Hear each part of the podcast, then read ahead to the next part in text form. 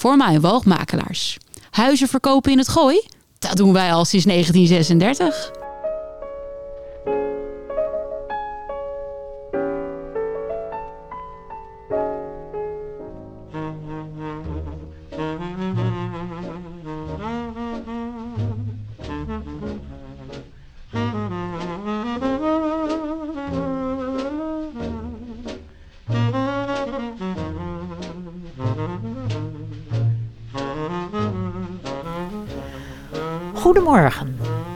Welkom bij Praatvogels, aflevering 44.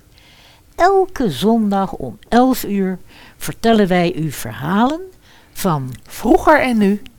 Kunst en cultuur. Paleizen en prinsessen. Kijken en schilderen.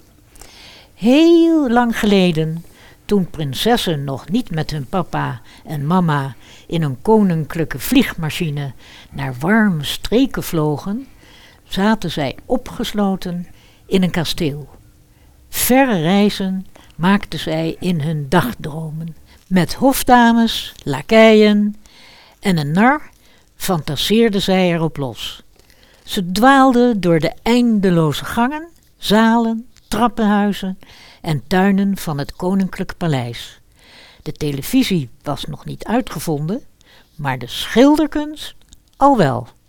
Vandaag gaan wij met Julia, een modern jong meisje in een spijkerbroek, terug in de tijd naar Spanje en ontmoeten wij in een koninklijk paleis de beroemde schilder Diego Velázquez.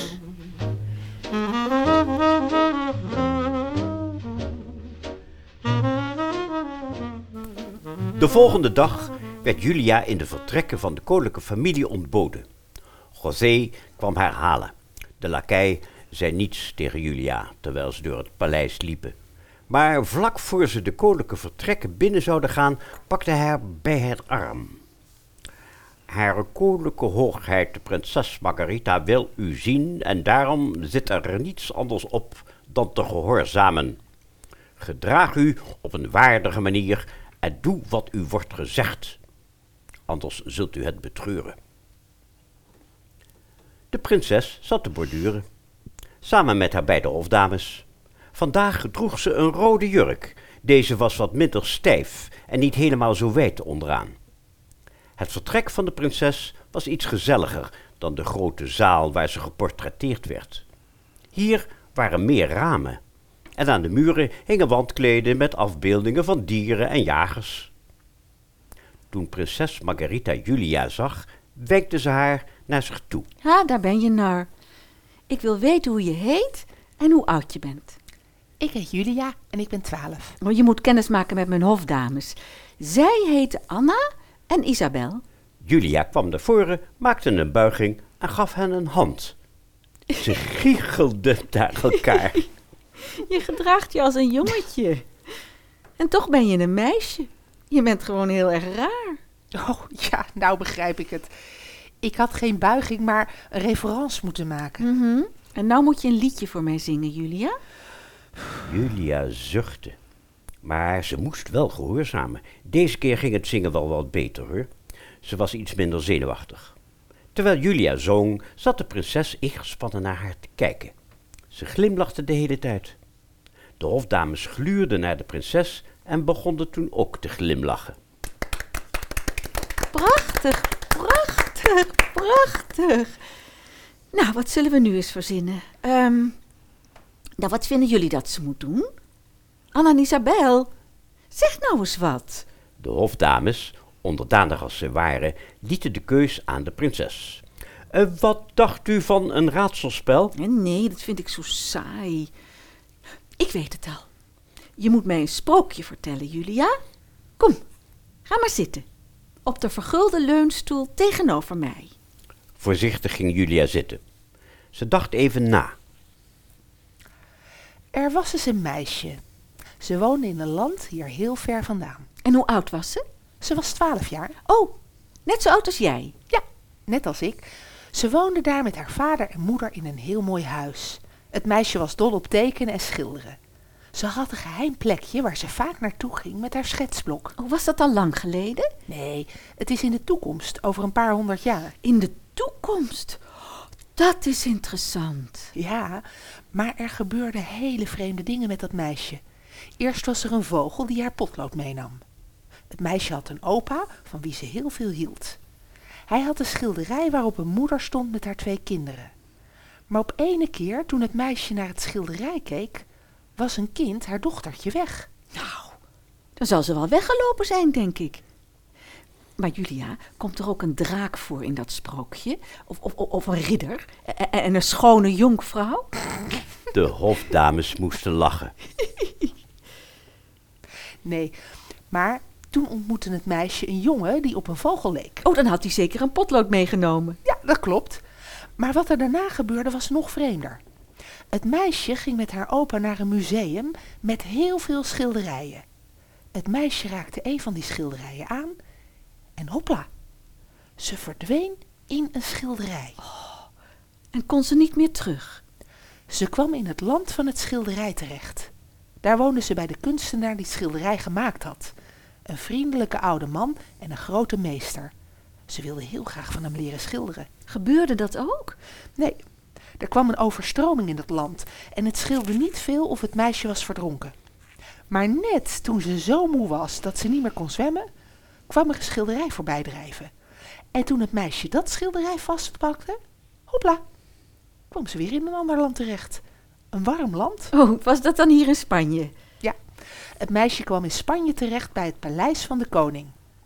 Toen kwam er een olifant met een lange snuit en die blies het verhaaltje uit.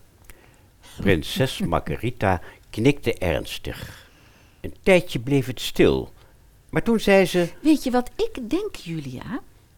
Ik denk dat jij dat meisje uit het sprookje bent. Wie weet? Nou, dat sprookje had Velasquez moeten horen. Een, een, een meisje dat verdwijnt in een schilderij. Ja, dat is echt iets voor hem. Zeg Julia, hou jij ook van tekenen? Hm, ja, dat is het liefste wat ik doe. Dan wil ik dat jij mij tekent. Nee, nee, liever niet. Velasquez is immers al bezig met dat schilderij van jou en hij is toch al... Ze onderbrak zichzelf toen ze de verbijstering op het gezicht van de hofdames en José de lakij zag. Hij boog voorover en fluisterde in Julia's oor. U dient de prinses aan te spreken met uw koninklijke hoogheid. U mag absoluut geen jij zeggen. Daarvoor kunt u in de gevangenis worden gegooid. En u mag haar ook niet tegenspreken. Oh, sorry hoor, koninklijke hoogheid. Ik was het even vergeten. Dat kan me toch helemaal niks schelen. Mijn papa en mama zijn er toch immer niet? En Jos en José, die moet zich niet met alles bemoeien. Maar je moet me wel natekenen, hè, want anders word ik boos. Laat potloden en papier komen, José, dan kan Julia aan de slag. Ik heb al een schetsblok en een potlood. Maar als je... Pardon. Als uw koninklijke hoogheid het nu niet mooi vindt wat ik teken... Ja, maar ik wil dat jij, dat jij dan hoe dan ook iets tekent. Zelfs al wordt het lelijk. En nou zal ik mijn mond stil houden en, en, en stil blijven zitten. Dan kan jij mij tekenen. Een hele tijd was het stil. Niemand zei iets. Alleen het gekras van Julia's potlood was te horen. Omdat ze geen gummetje bij zich had, moest ze twee keer opnieuw beginnen. Prinses Margarita zat kaarsrecht en keek Julia aan. Ze was echt wel lief, met haar ernstige gezichtje. Je kon merken dat ze eraan gewend was om te poseren en lang stil te zitten. De hofdames borduurden verder met gebogen hoofd. Zo, nu is mijn geduld op. En nu kom ik even kijken wat je getekend hebt. Julia legde haar potlood neer. Zelf was ze wel tevreden over de tekening, maar toch gluurde ze onrustig naar prinses Margarita. Misschien vond ze het wel helemaal niks, wat Julia had getekend. Ze werd tenslotte geportretteerd door niemand minder dan de beroemde schilder Velasquez. De prinses trok een pruimenmondje en toen vroeg ze aan Anna en Isabella om te komen kijken. Zij zette grote ogen op. Oh, best lief en schattig. Vinden jullie niet? Het is helemaal niet zo gek voor een meisje dat nog maar twaalf jaar is. Dit moet je mij ook leren, Julia. Ik wil precies zo kunnen tekenen. Ik, ik weet niet of ik dat kan. Je moet. Je moet mij gehoorzamen. Julia durfde haar niet tegen te spreken. En ze knikte alleen maar. Maar niet nu, want nu wil ik verstoppertje spelen. En Anna moet tellen en dan gaan we ons verstoppen. En we mogen ons in deze kamer, in mijn andere kamer hiernaast, mogen we ons verstoppen, maar niet verder weg, want dan kan ze ons niet vinden. De hofdames knikten onderdanig. Anna draaide zich om naar de muur, sloot haar ogen en begon af te tellen. Isabel tilde een van de wandkleden op en ging erachter staan. De prinses opende een deur en gebaarde naar Julia dat ze haar moest volgen. Kom, Ze kwamen in een enorme kleedkamer, waar de prachtigste jurken van zijde en fluweel hingen, in alle kleuren van de regenboog. De prinses sloot de deur, waarnaar het pikdonker was. Ze nam Julia bij de hand en trok haar mee tussen de rijen jurken door. De stoffen ritselden wanneer ze er met hun gezicht tegenaan kwamen. Sst, stil zijn. Ik verstop me hier. Zoek jij zelf maar een plekje. Ze trok een andere deur open en duwde Julia een gang in. De deur sloeg achter haar dicht. Julia bleef een hele tijd wachten aan de andere kant van die deur, maar er was niets te horen. En toen ze de klink vastpakte, bleek de deur op slot te zitten. Ze wachtte nog een poosje en klopte toen op de deur, maar er gebeurde niks. Ze klopte opnieuw en ze riep: Hallo, ik kan er niet in. Is daar iemand? Prinses Margarita. Maar ze kreeg geen antwoord. Misschien was de prinses haar vergeten. Julia begreep dat ze moest proberen langs een andere weg weer in de kamer van de prinses te komen. Ze liep de gang uit en kwam bij een trap die naar een andere, nieuwe zaal liep. En daarna was er weer een trap. Al gauw was Julia volkomen de weg kwijt. Ze had geen idee waar ze was. Ze werd ongerust, want ze had strikte instructies gekregen van José dat ze niet op eigen houtje door het paleis mocht dwalen. Stel je voor dat hij haar hier zou vinden. Wat doet u hier, meisje? Dit is streng verboden terrein. José zou zich er niets van aantrekken als ik moet uitleggen dat verstoppertje aan het spelen zijn. Julia werd hoe langer hoe wanhopiger.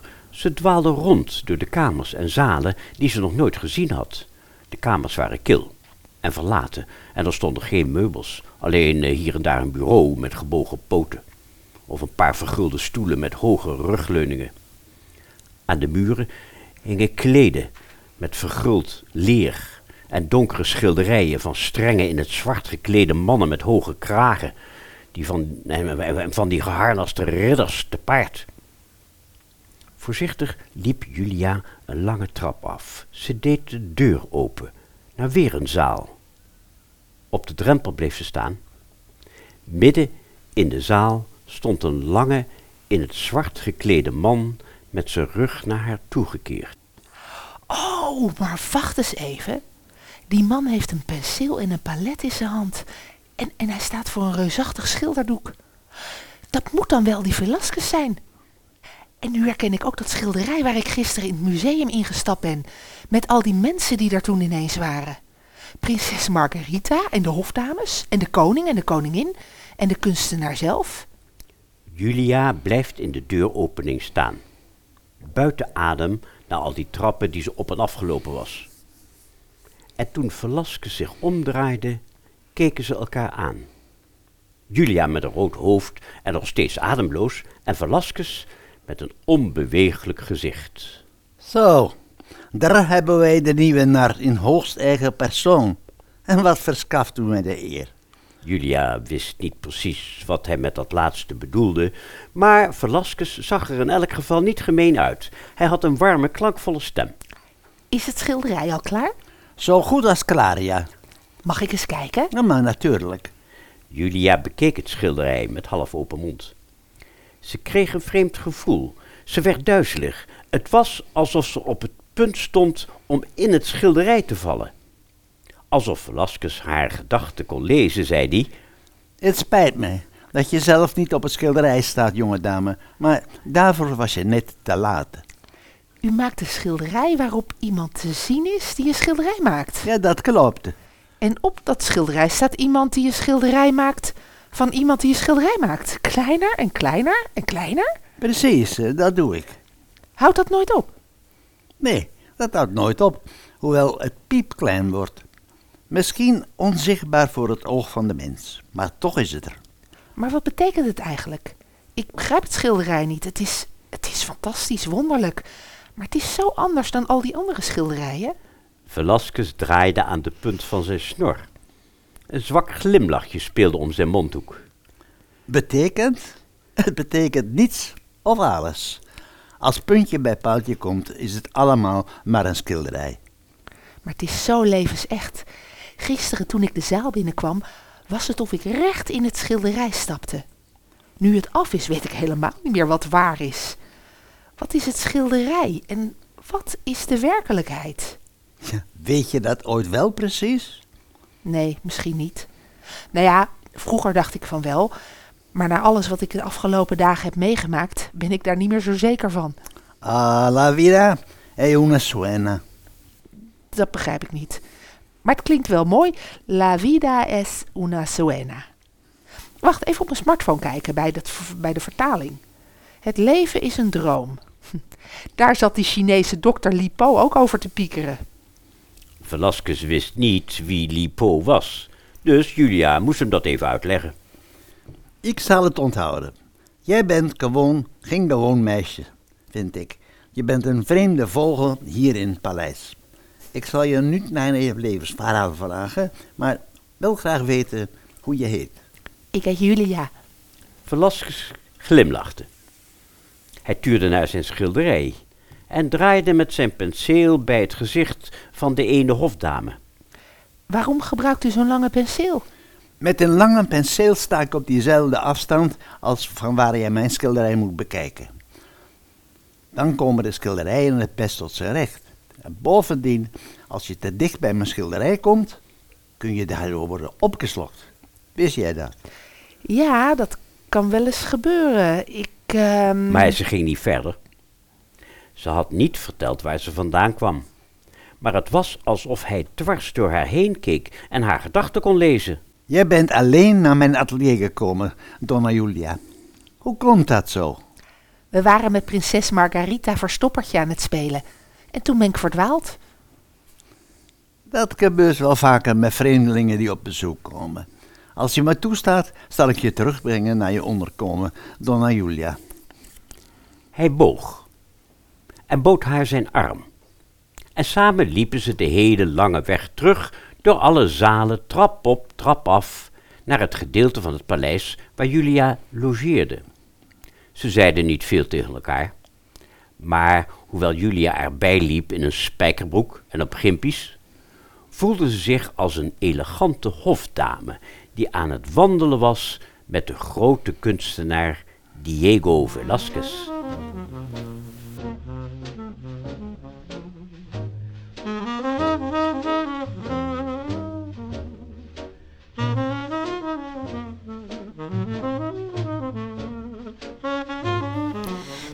was aflevering 44. Vandaag hoorde u de praatvogels Chantal Bonen, Michiel van Zeggelen, Corien van de Walbaken, Wiebe van Dijk en mijn naam is Hansje Terlingen.